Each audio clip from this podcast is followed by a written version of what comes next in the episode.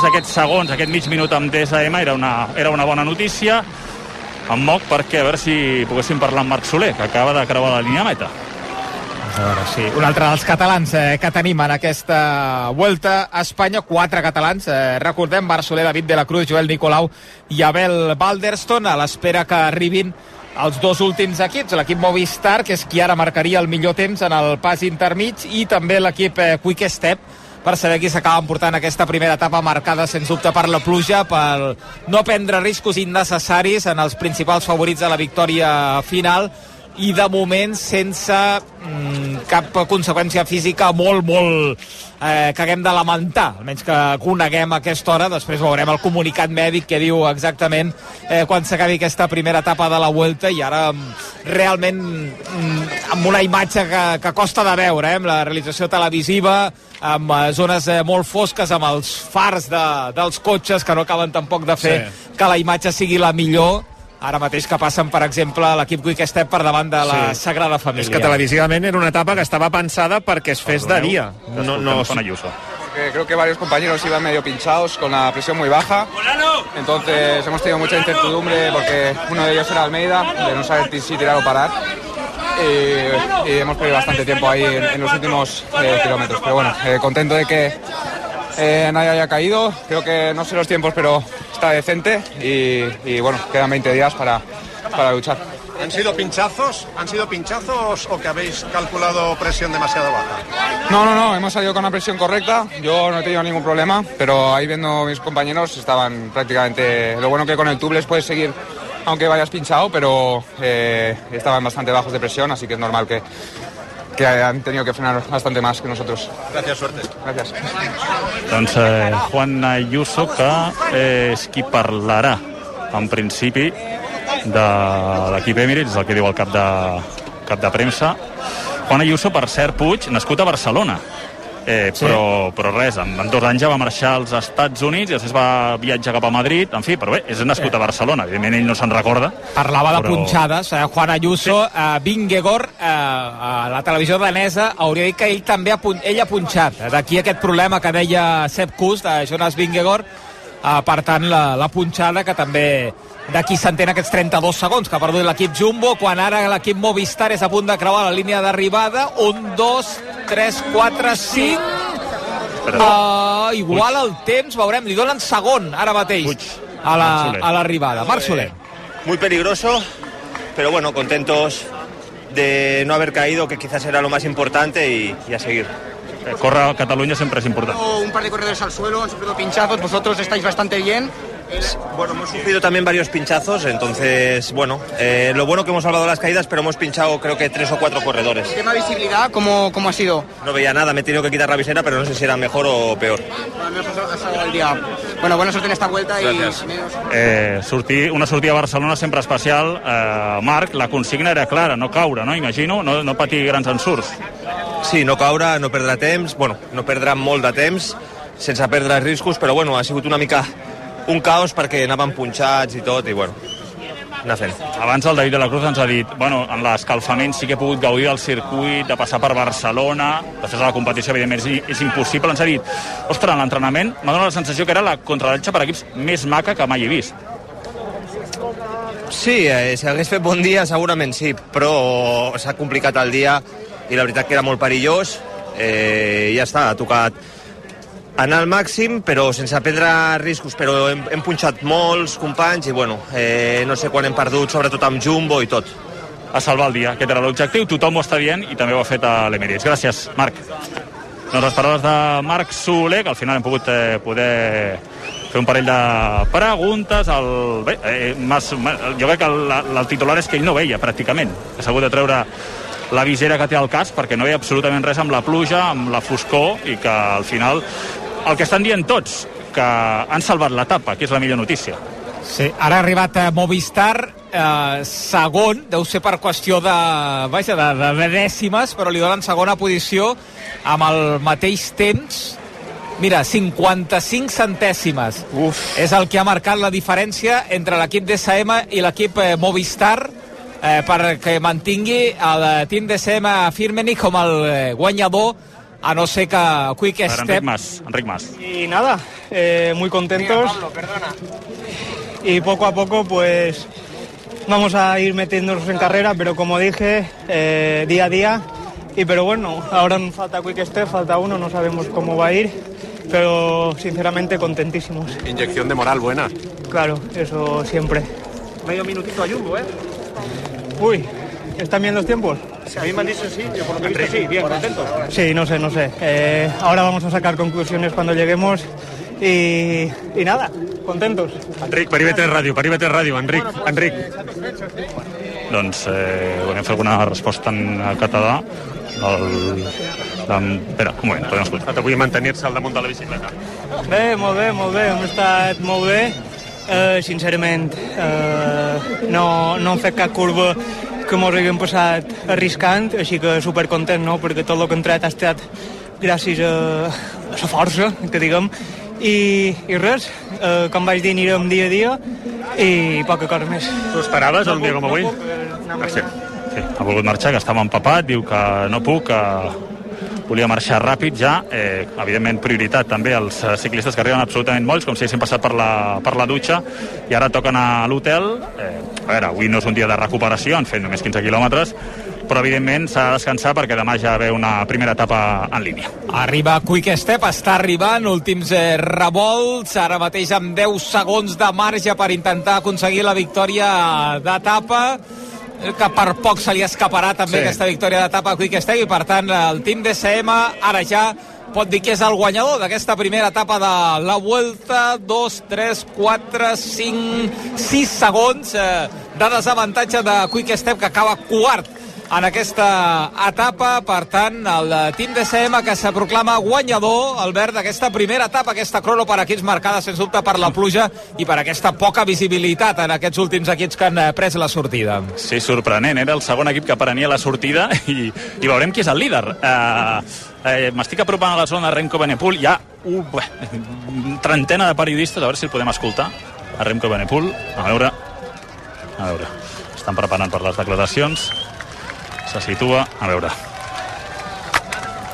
compte que acaba de donar un cop a un micròfon i l'ha tirat, perquè considerava que el micròfon era es troba massa a prop de la seva cara. Està emprenyat, eh, Ebenepul. Eh, no el tinc de cara, però està movent el cap com fent que no.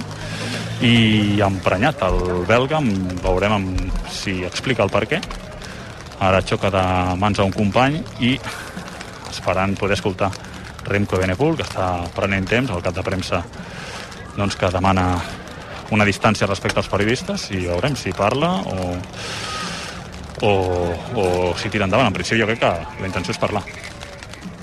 O sigui, mirava o enfocava cap al cel, Ebenepul, veiem que amb, que amb la mà, no sé si per la pluja o per eh, la foscor, perquè, evidentment, és un eh, element eh, sí. sí. que l'organització hauria de tenir en compte. Eh, és a dir, que tothom vol que, que faci sol, un dia radiant, eh, quan es disputa la, la primera etapa, però has de tenir en compte totes les condicions i, i que el temps t'acompanyi perquè, perquè s'hi vegin. La pluja, evidentment, eh, eh, pot aparèixer o no aparèixer, però eh, que els ciclistes tinguin una visibilitat eh, bona eh, hauria de ser un Sí. element imprescindible. Clar, aquí també entenc que tam tampoc volien començar més d'hora per la calor. Perquè, clar, estem en una època on la calor també pot intervenir, però és veritat que veient les previsions potser sí que haver avançat un palet la, la sortida que ha estat el més idoni perquè realment a nivell televisiu ha quedat molt deslluït i pels corredors ha estat perillós. A veure. The, road was wet of, full of water. Pushing! Dat is een halve David. molt emprenyat, diu que està molt perillós el, el recorregut, ple d'aigua. Circus.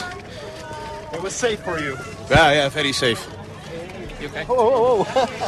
Doncs eh, se'n va, emprenyat. Mm, He entès que era un circ, que vaja, que el que s'havia de fer era... Ha entès, eh? eh que l'important era que es disputés, però que ell eh, ha dit que les condicions eren molt perilloses, que estava ple d'aigua i que, vaja, amb aquesta definició de circ entenc que ell hagués preferit no córrer. Mira, A ja- veure, s'ha aturat, crec que el podem seguir escoltant, però sí, sí, digues Puig. No, no, anava a dir que Alberto Dainese eh, serà el primer líder, el primer que vesteixi el mallot vermell com a líder de la Vuelta a Espanya. No. De moment està tenint companys de, que no parlen anglès. Per tant, eh, bueno, esperarem una mica a veure si tenim alguna declaració més de Remco Benepol. Doncs mira, tenim gol a primera mentrestant, fa el segon al Granada, gol de Brian Zaragoza, a l'inici de la segona part, Granada 2, Mallorca 1, minut 3 de la represa. Sí, Se l'ha escoltat a la transmissió televisiva dient que, que no es veia una merda a Ebenepul Eh, per tant, la visibilitat, més que la pluja, que, que ho dèiem, la pluja pot aparèixer o no, però la visibilitat és el que ha emprenyat més els ciclistes. Which means it's dark. So can you imagine if you're sitting in the wheel, getting water in the face, not seeing one meter in front of you? It's just super dangerous, and for sure tomorrow everybody will criticize me for saying this, but it's just dangerous. It's just dangerous. It's like riding your car 200 kilometers an hour uh, on the highway in the full dark without any lights. It's just Maybe they should have neutralized it or just canceled the stage. Is that what your is that what's your opinion on? not really. Just know that it can be dark at nine in the evening. So, I mean, if you see if you have the whole day to do a TTT, uh, we have to wait the whole day when it was dry. I mean, I don't, uh, rain is rain. We cannot change the rain, but we can change the circumstances that we're racing in, and you just have to know we go on the limit because it's, it's a race. We want to we want to win.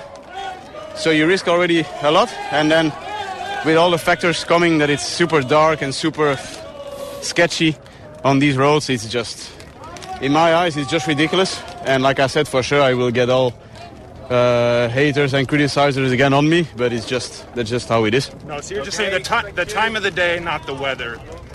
Yeah, exactly. And, and your team did an okay time. Overall, you didn't lose much time. Yeah, that's a good that's a good thing about today. But uh, I think uh, today what the organiz- organization should know is that it's just dangerous and they should think about safety and uh, yeah, just a shame that, that the race. I mean, it affects on everybody uh, for sure. The all the GC teams they went just super slow because you couldn't see anything. You couldn't um, race at 100. percent It's just yeah, it's just strange that they let us race in uh, in the dark like this. Remco, jullie worden vierde, maar ik neem aan dat dat niet het belangrijkste is vandaag. Nee, ja. Bé, jo crec que ha quedat prou clar. Sí, claríssim. Digues, digues, Perquè- Albert. No, dic, dic que és un dels ciclistes que sempre parla, passi el que passi, sempre parla, parla clar, emprenyat més que per la pluja i pel temps, sinó per l'hora de la contrarrellotge, que diu que, clar, si a sobre eh, és totalment fosc quan ha sortit el seu equip, doncs això ho fa molt perillós. Eh, la pluja, la foscor, la- eh, l'aigua a la carretera, l'asfalt, que tot plegat, doncs eh, fa que, que la, aquests 14 quilòmetres hagin estat molt perillosos, que segurament si, no hi, si hagués estat en plena llum del dia, doncs que encara que hi hagués hagut pluja, la, la situació canviava.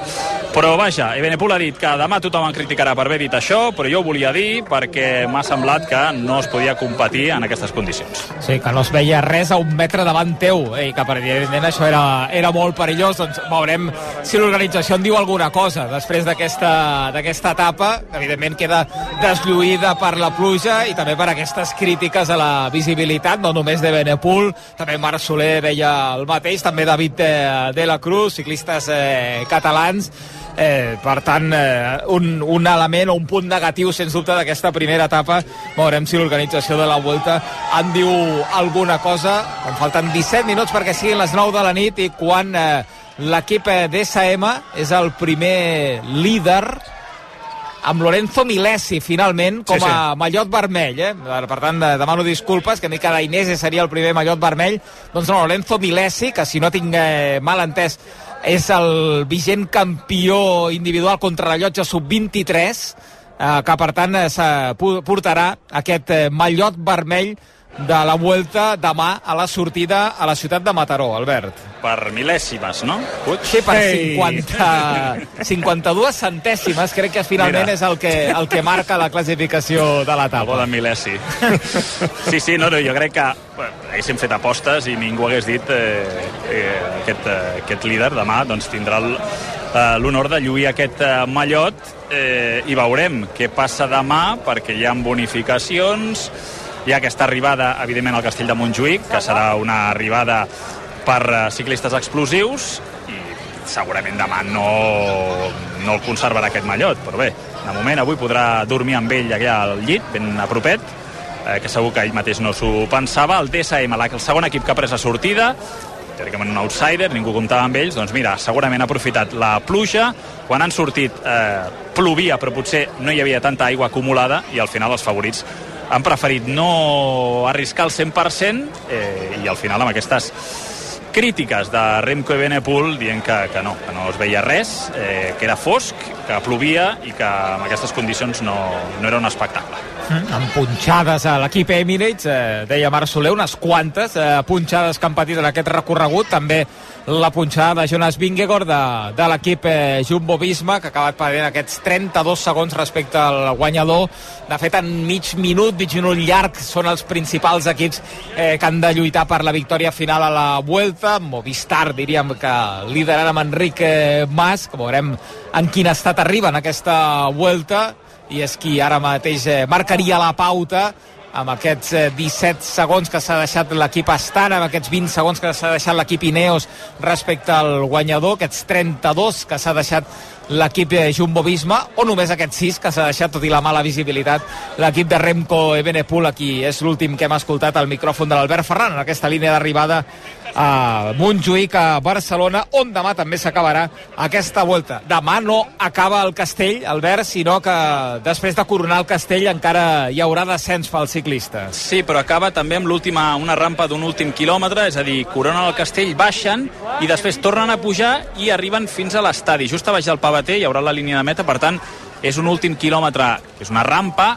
evidentment no és la rampa final al castell de Montjuïc, però és una, un últim quilòmetre eh, per entendre's, és perfecte per Alejandro Valverde. Ara no està competint, ja està retirat, però vaja, seria ideal aquest final d'etapa i demà, si no hi ha escapada, jo crec que els grans eh, demà els veurem, sobretot fins i tot Ebenepul. I com avui ha acabat l'etapa emprenyat, si demà arriba el grup de favorits al davant en aquests últims eh, metres, segur que jugaran la victòria. Veurem el temps demà que, que tenim en aquesta etapa entre Mataró i la ciutat de Barcelona, 182 mm. quilòmetres amb el coll de Sant la Bartomeu. La previsió era de pluja, eh, Puig? Sí. Eh, sí, i elevada. Vull dir, era més probable que plogués demà que avui. Avui ha plogut. Veurem, creuem els dits a Coll de Sant Bartomeu, Coll d'Estanalles i aquest castell de Montjuïc on hi haurà també bonificacions en aquest eh, últim eh, port últim eh, eh, coll que hauran de superar els ciclistes. Torna també a Catalunya la tercera etapa entre Súria i Arinsal, de fet acaba a Andorra, en final en port de primera, i abans també el coll d'Ordino, que també és de primera categoria, i la quarta etapa també acaba territori català, surt d'Andorra la Vella i acabarà a Tarragona, 185 quilòmetres, en aquest eh, pas de, de la Vuelta per el nostre país. De fet, és una Vuelta que va fent salts, Albert, en el, en el mapa eh, d'Espanya. Sí. Dos, quatre etapes que van seguides en el, en el recorregut, després trasllat cap a un altre punt de, del país i així gairebé durant eh, això, cada dos, tres etapes. Sí, sí, la veritat és que és una, una volta de, de molts trasllats pels eh, ciclistes, primer cap a baix, cap a València, després tornem a pujar eh, cap al nord de la península i aquesta incursió a territori francès amb un tros d'etapa amb eh, sancions a l'Obisc i al final al Tourmalet, després la part d'Astúries, Cantàbria, Galícia, eh, ja la pujada a l'Angliru, per tant, escolta, és una, una volta apassionant, sobretot el segon, segona part, amb molta muntanya i amb una única contrarrellotge individual, eh, la de Valladolid, que diria que són 26 quilòmetres a la desena etapa, abans de les grans etapes de muntanya, aquesta crono individual, que també té, pot, tenir, pot tenir molt pes. A Enric Mas avui li preguntaven, escolta, ja teniu mig minut sobre el Jumbo no li ha donat molta importància, però al final és un mig minut. És un mal dia que puguis tenir els últims metres, quilòmetres, perdre un avantatge, doncs tens aquest mig minut de coixí que sempre et pot anar bé. Bé, deixem, Albert, que, que investis a veure si hi ha o no apuntava ja el Pau que, que circulava el rumor quan encara no s'havia acabat l'etapa neutralització dels temps eh, és a dir, que sí que la general eh, la comandaria Lorenzo Milesi però que no hi hauria diferències entre els corredors. A veure si eh, des de l'organització confirmen aquest extrem que per tant s'haurien neutralitzat el, els temps de la, de la General eh, que comandaria l'italià Lorenzo Milesi però sense diferències entre tots els corredors al final d'aquesta primera etapa marcada per la pluja i també per aquesta manca de, de visibilitat. Deixem que circulis per aquesta eh, zona de, de meta, a veure si confirmem aquesta neutralització no, de la, dels temps avui a, a Barcelona. Fins ara, Albert. Perfecte, fins ara. 10 minuts i les 9 d'aquí a 40 minuts el Sánchez Pizjuán Sevilla-Girona partidàs d'aquesta tercera jornada a primera divisió allà hi tenim instal·lat des de fa estona el Miquel Agut hola Miquel, bona nit Bona tarda, bona nit, Xavi Puig. Aquí no plou, Miquel. No, eh, ha fet un dia lletjot, eh, per això, vull dir, fa molta calor, però com que els meteoròlegs tot ho acaben amb bot, lletjot, eh, un dia nuvoladot, tapadot, tot això, doncs ha fet, no, no plou, però eh, no, no, ha fet un, no, no ha fet gaire bon dia, no, però de moment no, no plou, em sembla que la pluja aquí gairebé no saben què és, pobres. Bé, com si nosaltres no piguéssim gaire. Amb caloreta, eh, però... Sí, sí, amb caloreta. Avui parlava amb el Martí Oliveres i em comentava que s'esperaven 31 graus a l'hora del partit, d'aquí uns 40 minuts, com deies, i a més a més amb la humitat la sensació seria d'uns 35 graus aproximadament durant tot el partit. L'únic que passa una mica d'airet i aquest eh, airet ens està salvant la vida. Eh, Cupi, que ens està salvant la vida? Bastant, una mica refresca i tot. Entre això i les 25 ampolles d'aigua que hem agafat de la sala de fotògrafs, jo crec que podrem aguantar el partit. Hi ha fotògrafs salagats ara mateix a... No, que hi havia mil, mil ampolles d'aigua. El Sánchez Pizjuán. 11 de Mitchell per guanyar com va fer la temporada passada a Sevilla. Agut. Doncs mira, el mateix 11 que va guanyar el Getafe per 3 gols a 0. Gazzaniga a la porteria, Arnau, David López, Blin i Miguel a la defensa, Aleix, Ivan Martini i Angel al mig del camp, amb Sigankov i Savinho a les bandes i Cristian Estuani com a jugador més avançat de l'equip de Mitchell, que per cert, Xavi, ha xerrat amistosament amb Mendilibar abans de començar el partit i en aquestes entrevistes dobles, en aquestes trobades, aquests cara a cara, que es fan ara entre tècnics abans que comenci a rodar la pilota. I a la banqueta aquí té Mitchell, per tant, Miquel? Doncs mira, el porter suplent Juan Carlos juntament amb un altre suplent com Fui Díaz, a més a més tornen a la llista de convocats Santi Bueno i Ibrahima Quevé després de molts mesos de baixa, especialment el migcampista Malià i també Bernardo, Dovvik, Valeri, Juanpe, Pablo Torre, Jan Couto i els joves Selvi Clua i Iker Almena. El Sevilla ha perdut els dos primers partits de la temporada, va perdre també la Supercopa d'Europa contra el Manchester City, has vist que n'he dit final, agut. Qui no ens atreu Mendilibar avui al Sánchez Pizjuán? Doncs mira, això d'avui tampoc no és una final a la tercera jornada de Lliga. Juguen Dimitrovic a la porteria i això que han fitxat un porter aquesta setmana. Navas, Badé, Gudel i Pedrosa de dreta a esquerra en defensa, amb Sou i Rakitic al doble pivot. A una banda Suso, a l'altra Ocampos pel centre Oliver Torres, en Nesiri el jugador més avançat. I a la banqueta aquí té Mendilibar? Doncs mira, a la banqueta Gatoni, Joan Jordan, Rafa Mir, Corona, Luquevac i Oinailan, els dos últims fitxatges, aquest últim un porter, amb la Mela, Papu, Juan Luc, Quique Salas i Matías Arbol. T'agrada l'àrbitre que xiularà avui a Sevilla? No és dels meus preferits. Home. No, eh, no, home, però jo crec que això és compartit. Gil Manzano... Demòcrata. No, eh, Gil Manzano, que per cert... Era un dels que aplaudia, ah, Rubiales, eh? Aquí, aquí anava. Eren ell, Martínez Munuera i me'n falta un Soto perquè Grado, no, crec, Soto no? Grado, exacte, Sí. sí, bé, ta- també un altre que ha començat finet la temporada vull dir, el millor de cada casa i, av- i avui, per cert, eh, recordant la roda de premsa de Rubiales i tot aquest escàndol que ha muntat el president de la Federació Espanyola de Futbol eh, en aquests últims dies, el Sevilla sortirà amb una samarreta amb el hashtag se acabó mentre que el Girona el capità Estuani lluirà un braçal de capità de color lila com en el dia contra la violència de gènere. Seran els dos gestos que hi haurà un per banda en aquest context tan enrarit després de la victòria de la selecció espanyola al Mundial Femení de Futbol. El bar qui, qui tenim uh, agut? Muñiz acompanyant Ruiz. Gil Manzano, Muñiz Ruiz. que és el del partit del Barça contra el Cádiz l'altre dia a Montjuïc. Tens el Brugués aquí prop teu. Mira, ell mateix es podrà presentar si encerta el botó. L'has trobat o no, Brugui? L'hem trobat, l'hem trobat. Hola, Marc Brugués, bona nit. Hola, bona nit, què tal? La visita a Sevilla sempre s'agraeix, no? S'agraeix, s'agraeix, i sobretot ara amb aquest airet que s'ha girat, s'ha tapat una mica, perquè al migdia i quan hem arribat, eh, després ben dinat, feia molta, molta estuva, molta calor. Signes l'empat? Sí, sí, sí, ja us ho dic clarament. Molt bé. Sí, home. No guanyes ni un punt al Quants punts Sevilla, eh? agafaries la, agafaries la Lliga? Tu? Doncs són empats 38. Uh, 43. 38 no et ah, no- no, 38 no. no et salves pas, Home, eh, però hem de- 38. Hem de guanyar els de casa. eh? Ah, Guanyem els de casa. mitjana anglesa. Sí, i ens en salvem. Com si a casa no, no signessis empats, lladre.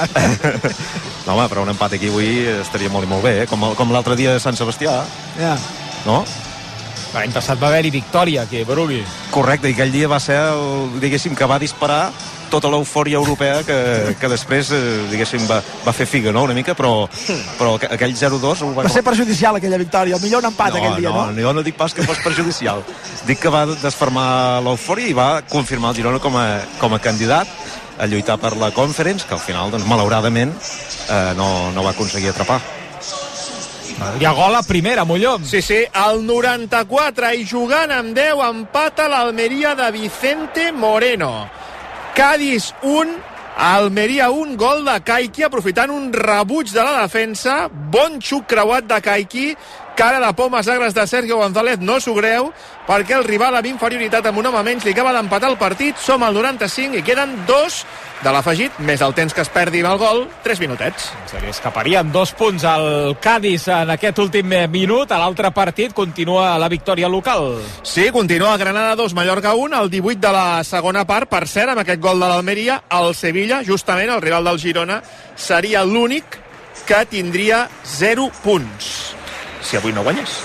Doncs una mica més de pressió pel Sevilla abans d'afrontar el partit contra el Girona. A Itàlia tenim jugant entre d'altres el Milan a aquesta hora. Molló. Sí, el Milan el tenim a San Siro jugant primers minuts de partit. Milan 0, Torino 0, som al minut 10 i, en canvi, la Roma també ha començat a jugar el seu partit i ja està perdent. Verona 1, Roma 0. Acaba de uh, marcar l'Elas Verona. Tenim imatges del túnel de vestidors del camp del Paris Saint-Germain del Parc dels Prínceps, el realitzador que se centra en eh, Kylian Mbappé, que avui afronta la seva primera titularitat amb Luis Enrique a la banqueta en partit de Lliga on busca la primera victòria juntament també amb Dembélé, que també forma part d'aquest 11 Home. inicial de l'equip de Luis Enrique. 3 i les 9, fem una pausa i tornem i ens quedarem ja en aquest Sevilla-Girona, partidàs en aquesta tercera jornada primera divisió. Superesports amb Xavi Puig. Festa Major del Catllà, una de les millors diades castelleres de Catalunya, amb la colla jove Xiquets de Tarragona, la vella de Valls i els castellers de Vilafranca. Al Catllà, quan fem festa, ho fem bé. Més informació al catllà.cat. Sí, sí, molts portals, moltes webs, molts concessionaris, però al final el tracte, les facilitats i allò que necessitava a l'hora de trobar un cotxe només ho he aconseguit a edificar.com. No t'ho creus? Prova-ho, prova-ho! edificar.com. I si fa falta, te'l portem personalment fins a casa. RAC 1. A veure, hi són totes? Va, que arrenquem, Sergent Budio. Tu portes el mapa, eh? Sí, sí, jo faig de copilot. I també porto despertador per obrir el món. Però, Angelines, calia portar vuit maletes, dona. Claro que sí, Roca Mare. A més, no me les toqueu, eh? Qui té l'adreça als apartaments? Marc Mala, Ana Làrcia. Sí, sí, sí, sí, es diuen apartaments Hawaii. I els hem agafat en piscina. Jo us porto a sopar a un lloc nou que està molt bé i que es diu La Clandestina. Ole, ole, ole, ole, ole, mira, Ardèvol. Suposo que al cap de setmana farem alguna excursioneta, no? I a les nits, prepara't, Angelines, que tenim preparada una revolució sexual. Uh! Ara us escolto, nenes!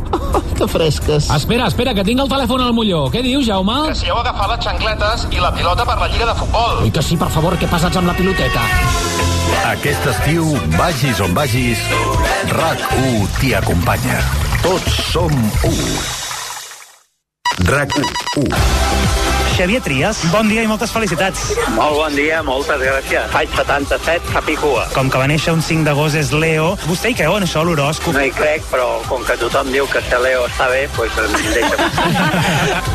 Regina Rodríguez Sirvent, autora de Les calces al sol. La meva caixa està a la cuina del Matt Damon. Allà dins hi ha el llibre de les calces al sol, unes calces comprades a una merceria de Gràcia, i llavors vaig traduir dos capítols, vaig fer una sinopsis llarga i li vaig fer una carta que comença Dear Matt, my name is Regina. Cada dissabte i cada diumenge d'estiu de 9 a 2, Via Lliure, amb Eudald Martínez. RAC 1. Tots som 1. RAC 1. Aquest dissabte el Girona juga a RAC 1. A dos quarts de deu, Sevilla-Girona. Els de Mitchell volen aprofitar el mal moment del rival que ha començat la Lliga amb dues derrotes. Viu el partit des de mitja hora abans amb la narració de Miquel Agut i els comentaris de Xavi Puig, Jaume Molló, Marc Brugués i Adai Benítez. Aquest dissabte, a partir de les 9, Sevilla-Girona. I per rematar-ho, tu diràs amb la prèvia del Villarreal-Barça fins a la una de la matinada. El Girona Juga a RAC1 és una gentilesa de CaixaBank i Estrella d'Am. RAC 1. Tots som 1. RAC 1. Hola, en què el puc ajudar? A veure, um, un mojito, si us plau. Ho sento, no en tenim. Vaja, doncs una, una cervesa. De fet, no ens queda res d'alcohol ja. Una llimonada. L'última que quedava se l'ha endut aquella senyora d'allà. Caram, però, però teniu alguna cosa per veure? Aigua de l'aixeta? Oh, en fi, po- posa'm en un got. A quina targeta